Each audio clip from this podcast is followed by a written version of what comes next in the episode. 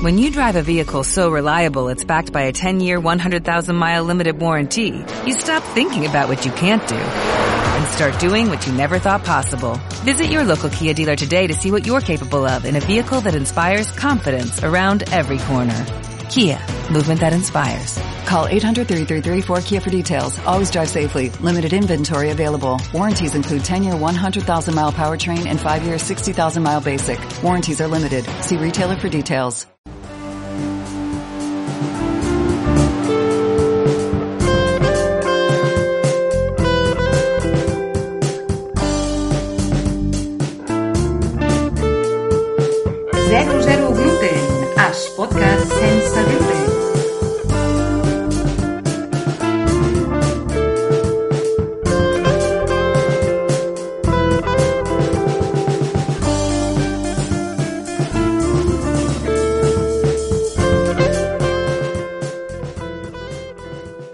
Hola y bienvenidos a 00 Gluten. Estamos en el primer programa de 2022, así que feliz año a todos.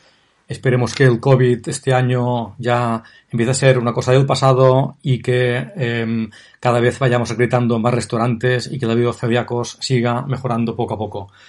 En este programa vamos a hablar de Ferrería sin gluten, que es un proyecto que desde la Asociación de Menorca de Celíacos de Cataluña se inició el año anterior y que eh, vamos a intentar potenciar este año. Pero antes un par de mm, detallitos, un par de cosas sobre el podcast. En el podcast em, estamos buscando más gente a la que entrevistar. Si conocéis a alguien interesante a quien os gustaría escuchar en el podcast, nos podéis poner en contacto con esa persona. O si sois vosotros alguien que piensa que puede colaborar, pues lo mismo. Y también queremos abrir este año el podcast a nuevos locutores, a otras personas que no siempre tengáis que escucharme a mí, que pueden hacer entrevistas. Las entrevistas se pueden hacer desde cualquier sitio de España o Latinoamérica, en español, también se pueden hacer, como hacemos siempre, programas en catalán, en inglés o en francés, alguno también tenemos. Así que si tú crees que puedes aportar algo, si te gusta eh, la locución, si te gusta entrevistar a gente, si quieres colaborar, contacta con nosotros y podemos un poquito de esta manera eh, hacer programas más divertidos, más diferentes y, más, y más ricos en cualquier sentido. Bueno, volvamos a Ferrería sin gluten. En este programa vamos a escuchar un extracto de un programa de radio que se emitió en el verano pasado, de 2021, en el cual se hace una visión general del pueblo, desde Ferrerías sin gluten. Ferrerías es un pueblo mmm, que está en la zona más montañosa de Menorca, que está a unos 15 kilómetros de Ciudadela y que eh, tiene muy cerca playas muy chulas en Menorca. Tiene Cala Galdana, que es una playa turística con muchísimos restaurantes y hoteles y muchos servicios también se pueden alquilar barcas, kayaks, etcétera. Y ahí hay varios restaurantes que hacen comida sin gluten y nos gustaría que acreditasen. También cerca mmm, se puede ir por camino de caballos o se puede ir a través de los caminos aparcando por coche. Eh, hay playas eh, fantásticas. Está la playa conocidísima de Macarella y Macarelleta, un poquito más lejos que en Turqueta. Si vais de Cala Galdana a Macarella, pues hay un camino por la costa con vistas, bosque y, y que está muy bien y se puede llegar más o menos en media horita, tres cuartos. Para el otro lado, hacia, hacia el este de la isla, también desde Cala Galdana se puede llegar fácilmente a Calamillana y Calamillaneta. Y es una playa también chulísima. Chulísima con una playa, bueno, bueno, una arena increíble. Para los más aventureros se puede seguir caminando, camino de caballos por la costa eh, y llegar a otras playas como Travalulla, etcétera. O sea que el camino de caballos eh, no os lo acabáis, pues ver todas las playas que queráis. Entonces pensamos que, bueno, Ferrerías más Calagaldana, pues es un destino turístico en Menorca muy interesante, sobre todo si mejora un poquito lo que ya tiene eh, de cara a los celíacos. De momento ya tenemos un restaurante y hotel que es Loar, que está acreditado desde hace años, casi toda la carta es sin gluten. Y es un sitio donde, bueno, yo mismo cuando paso por el pueblo, pues me intento parar y aprovecho y como allí. También hacen bocatas, bueno, estupendo. Tienen piscina y está en el centro mismo del pueblo. Ahí también tenemos ahora la primera carnicería acreditada por Celíacos de Cataluña, que se llama Sa Carnicería, también en la plaza del pueblo, donde encontraréis todo sin gluten. Las carnicerías, la gente dice, bueno, pero la carnicería no tiene gluten. Bueno, las hamburguesas, las especias, la sobrasada, eh, los rebozados pueden tener gluten. Pero esta carnicería ya ha decidido hacer los rebozados ya con, con harina sin gluten, entonces ya han evitado el problema y, y, desde aquí pues les agradecemos mucho pues el paso que han dado para, para todos nosotros. y esperamos que anime también a otras carnicerías de, del resto de, de, la isla. Y finalmente tenemos a, a, la estrella que es el maestro artesano Luis Febré, que también hace un montón de pastas menorquinas, ensaimadas, panes y bueno, prácticamente de todo. Ahora, por ejemplo, estamos con un sorteo de roscón de reyes, todo sin gluten, todo buenísimo y también acreditado eh, por nosotros. Con lo cual, bueno, tenemos el pueblo ya en una situación muy ideal para dar un par de pasos más y, tener allí un, destino increíble. Gracias a la, al soporte de colaboradores que tenemos, como Raquel Borrega, que escucharéis en el audio, Nuria Pablos también estuvo aquí en verano y, más gente de, la Asociación de Celíacos de Cataluña eh, y del Ayuntamiento, pues eh, estamos muy ilusionados con, con, este proyecto. Pero no todo es de color de rosa, eh, porque el proyecto está un poquito en riesgo. ¿Por qué está en riesgo? Pues porque nos falta más implicación de colaboradores del pueblo. Queremos que los socios del pueblo se impliquen más. Yo no llego a todo y, y no siempre eh, puedo hacerlo todo. Y es bueno también que haya más diferentes personas que, que, hagan el trabajo, que aporten sus visiones y sus maneras de hacer cosas. Y también necesitamos un poquito más de implicación de los restaurantes del pueblo. Hasta ahora tenemos, como os he dicho, uno acreditado, que es Loar. Había uno más el año pasado, pero desgraciadamente lo han dejado, que estaba a salida del pueblo. Eh, pero con varios restaurantes que ya lo hacen sin gluten eh, y unos pasitos, un poquito de esfuerzo, podemos conseguir que haya tres o cuatro en el pueblo, tres o cuatro en ferrerías y con esto ya sería suficiente para pronto poder montar una ruta de tapas, algún evento, algún fin de semana allí con diferentes charlas, diferentes actos, eh, talleres, etcétera. Y, bueno, esto potenciaría mucho al pueblo. Así que si eres un socio de los de Cataluña, si eres celíaco, si estás en ferrerías o en Menorca y quieres colaborar, pues por favor contacta con nosotros porque hace falta. Hace falta porque sería una pena que el proyecto no, ahora que está a medio eh, hacer, que no, que no triunfe. Es un proyecto muy chulo y que puede beneficiar mucho al pueblo y a toda Menorca. Bueno, dicho esto, vamos a pasar a escuchar un extracto de, del programa El Replá de IB3 Radio, que se grabó en verano del 2021, justo antes de que Raquel viniese a Menorca. Es en catalán, eh, pero bueno, Raquel habla en castellano, evidentemente. Así que bueno, eh, os pido disculpas si no lo podéis entender bien. Eh, cualquier pregunta cualquier cosa sobre el programa o el proyecto de Ferrería sin Gluten podéis contactar con nosotros y estaremos encantados de, de ayudaros. Feliz año 2021, 2021, no, perdón, 2022 a todos, que va a ser el día de la marmota. Esperemos que el 2022 sea muy diferente eh, y nos seguimos escuchando en Centro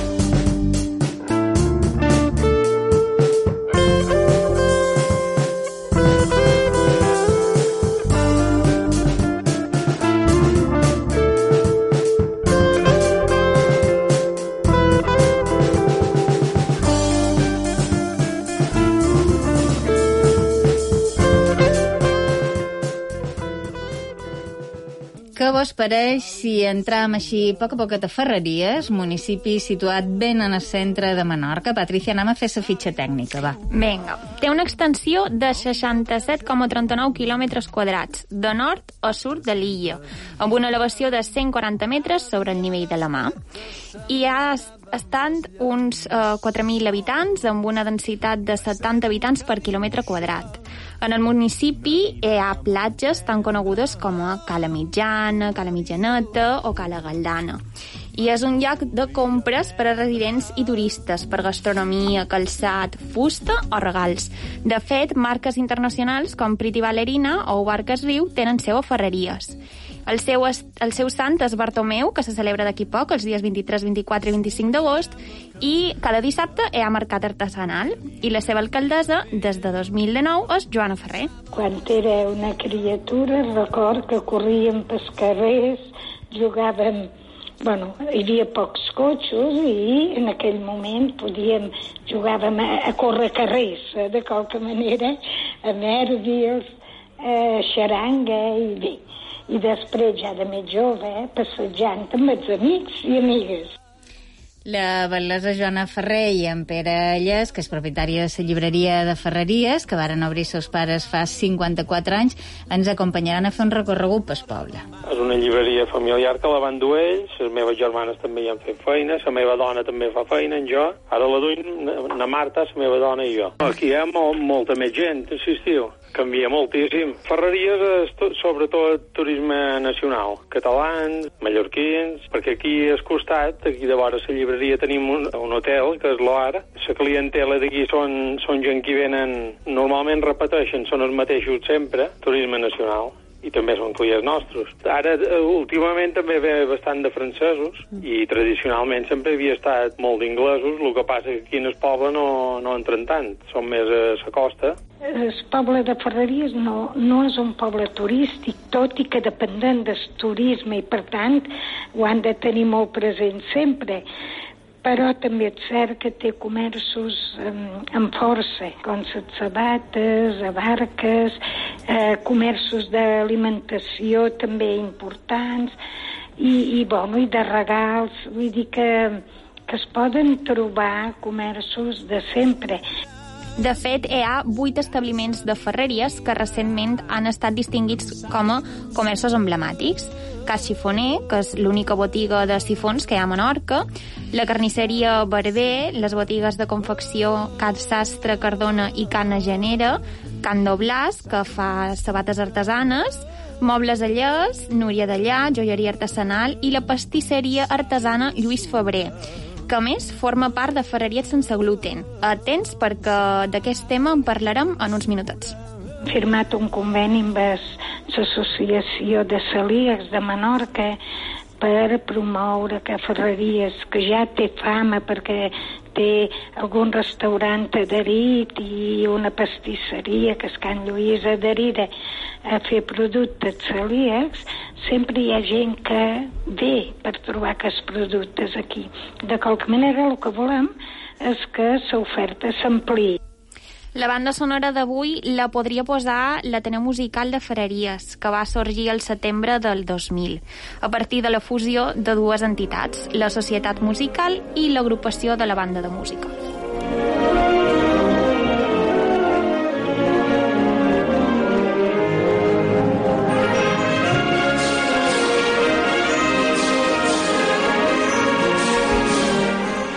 Seguim voltant pel municipi de Ferreries, trobarem al nord les elevacions més importants del terme, el Puig de Santa Àgueda, de 260 metres d'altitud, i el Puig de Sant Clusa.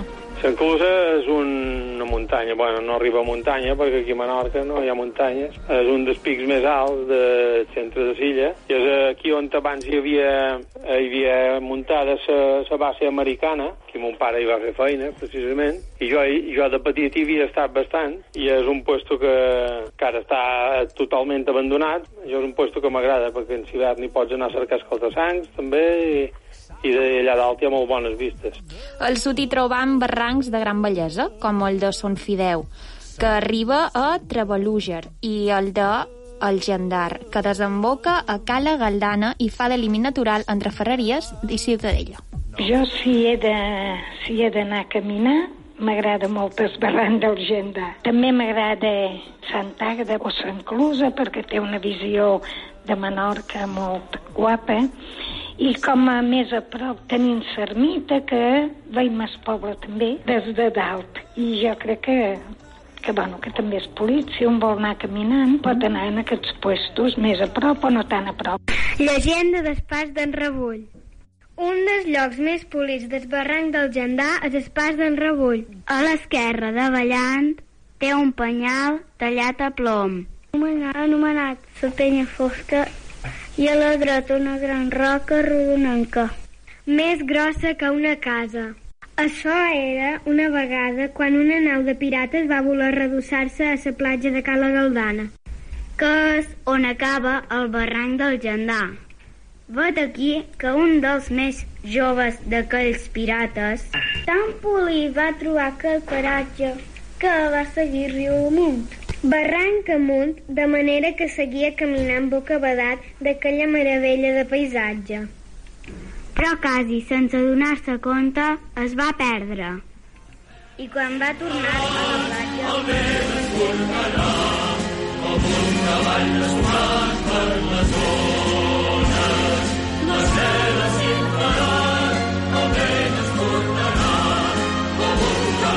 Aquí escoltàvem aquesta llegenda del pas d'en Rebull recitada per alumnes de tercera primària del Col·legi Públic Castell de Santa Àgueda, que és història d'un pirata, de pagesos i paratges.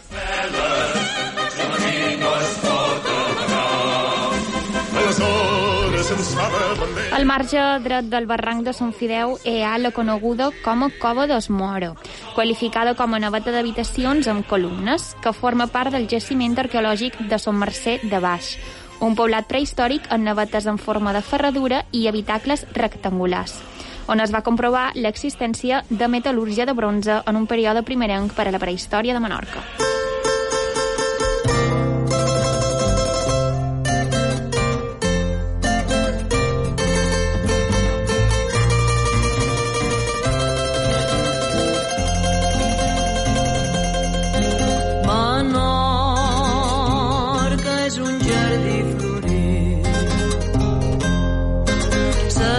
De fet, les característiques geològiques de Menorca tenen un gran interès i a Ferreries hi ha el Centre de Geologia de Menorca, que també és un lloc de visita.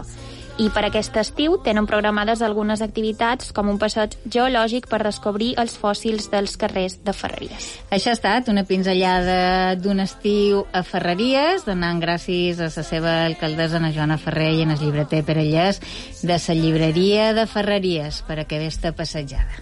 casetes blanques, netes i aclarides. Jo vull romandre a Menorca del meu amor. Una menorquina moreneta i fina m'ha robat el cor. Viu l'estiu a IB3 Ràdio.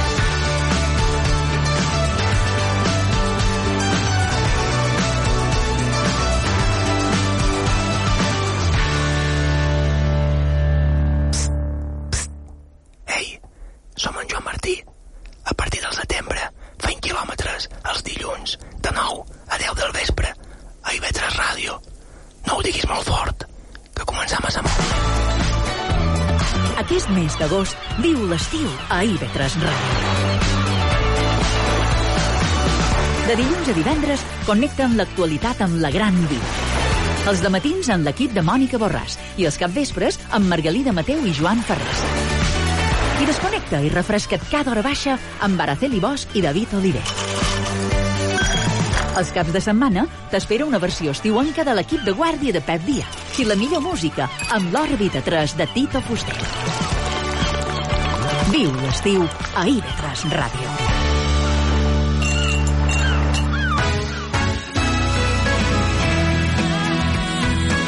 A Ciutadella escoltau IB3 Ràdio al 100.9 de la FM.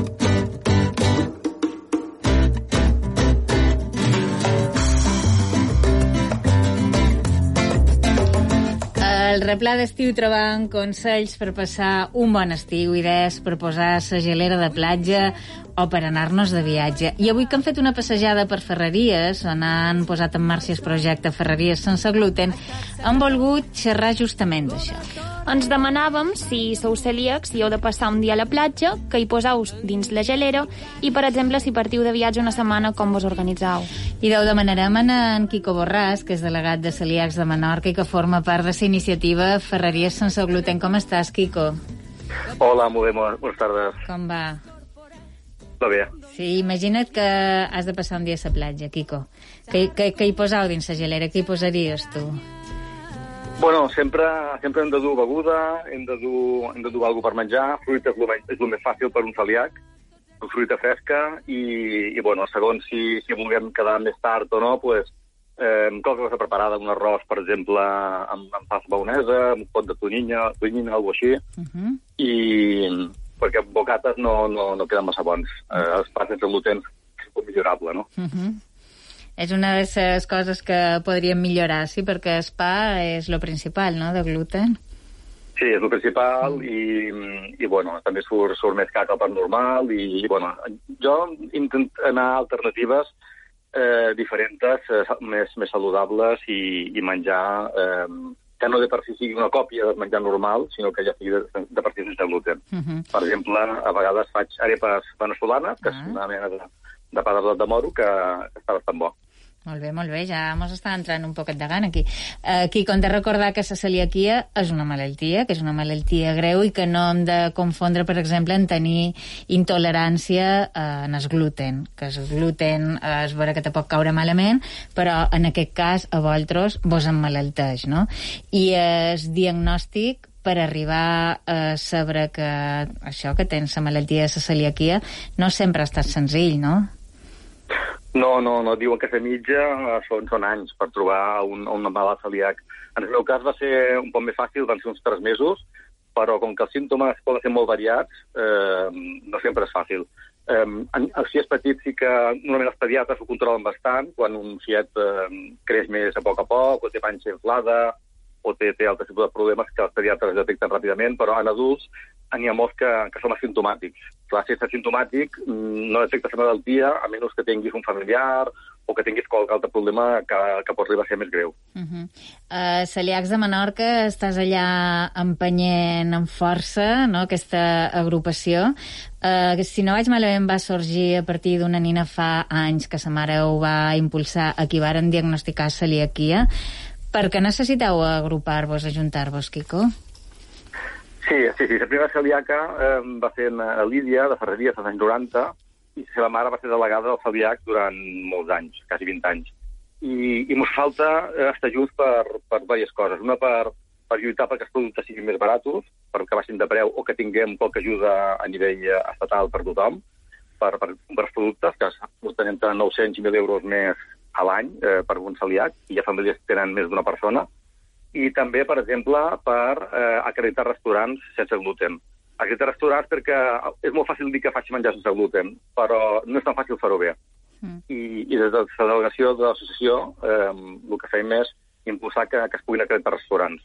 De fet, dintre del que és ferreria sense gluten, eh, acreditant gratuïtament tots els restaurants de, de ferreria, de la Galdana, Setentona i els voltants que, que ho vulguin fer.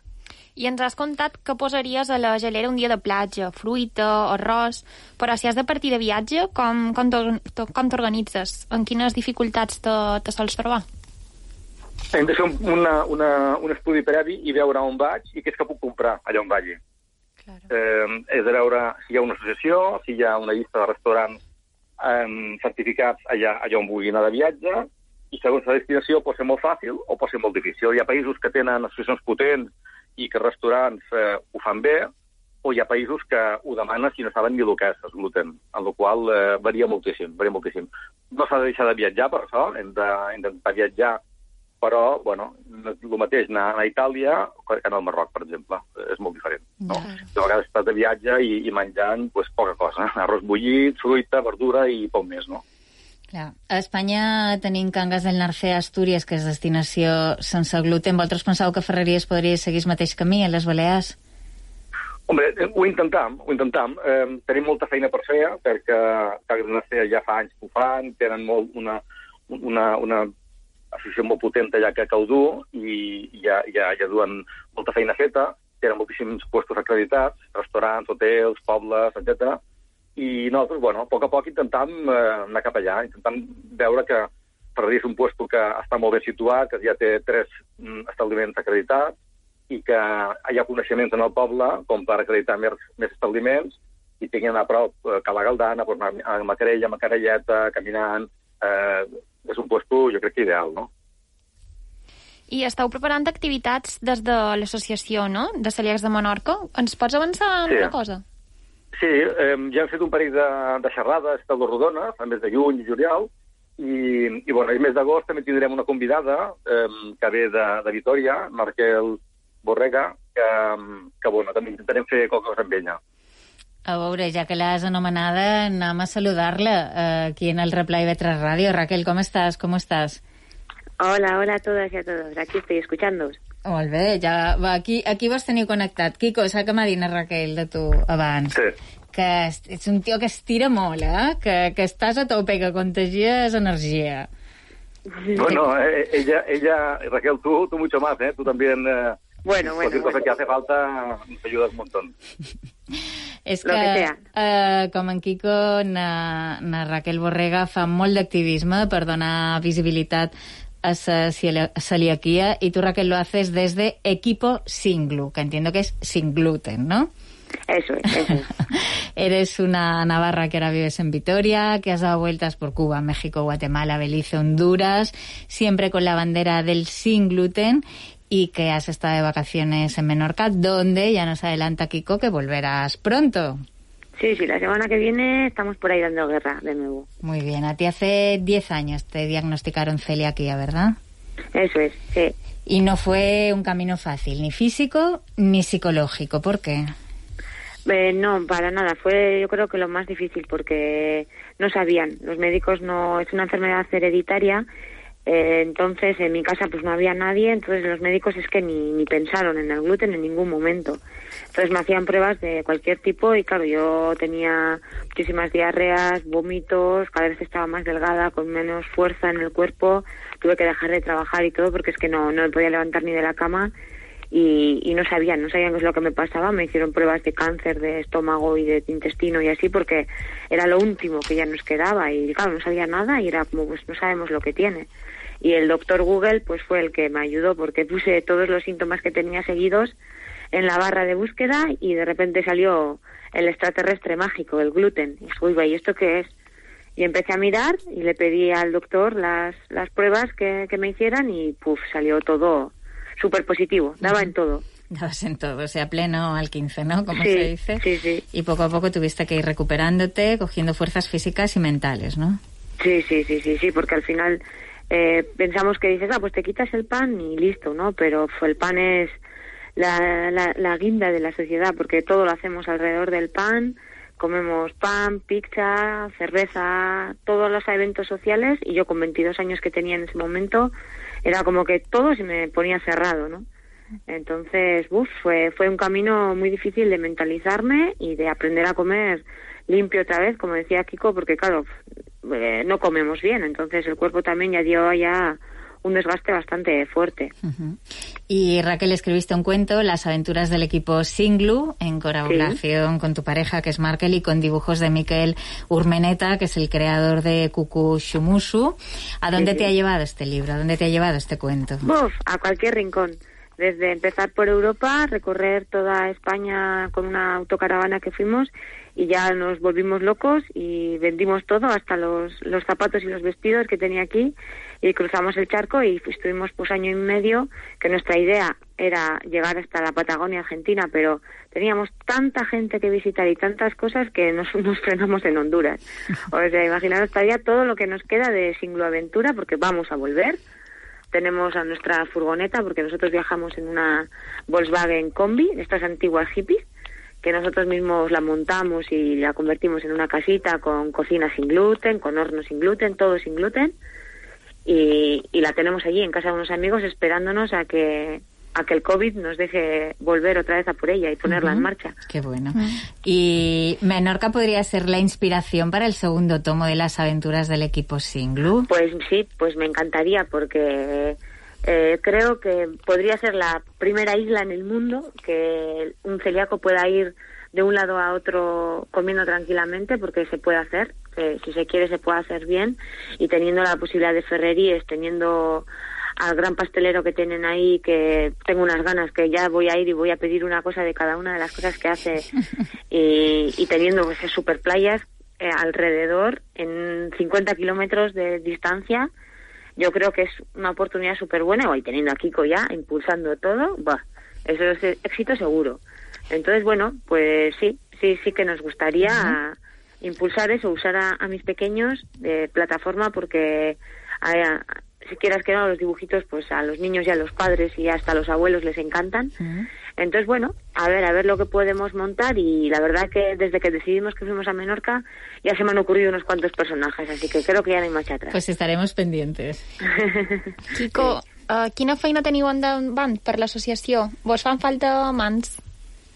Sí, sí, sí, sí, fan falta mans, fa falta peus, fa falta cap, fa falta molta, molta cosa, perquè, clar, eh, depenent de l'Associació Catalana de Celíacs, i, i bueno, aquí tenim voluntaris a Menorca, i tot el que vulguem muntar, eh, és per gent que, que col·laborin nosaltres. Tenim eh, uns quants voluntaris i em fa falta molta més gent, i qualsevol petita ajuda és, és benvinguda. Uh -huh. I de prenem nota i fem aquesta crida des del replà. A tots dos, moltes gràcies, Quico Borràs, Raquel Borrega, moltes gràcies i molta sort a cuidar-vos. Gràcies. Moltes gràcies. A vosotros.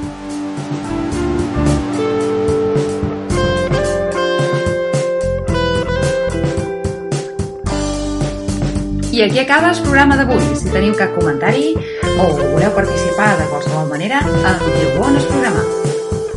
00 gluten, es podcast sense gluten.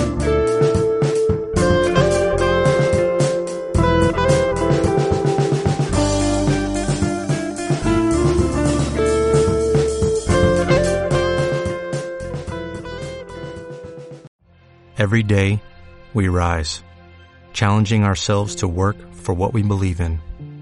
At U.S. Border Patrol, protecting our borders is more than a job, it's a calling. Agents answer the call, working together to keep our country and communities safe. If you're ready for a new mission, join U.S. Border Patrol and go beyond. Learn more at cbp.gov/careers.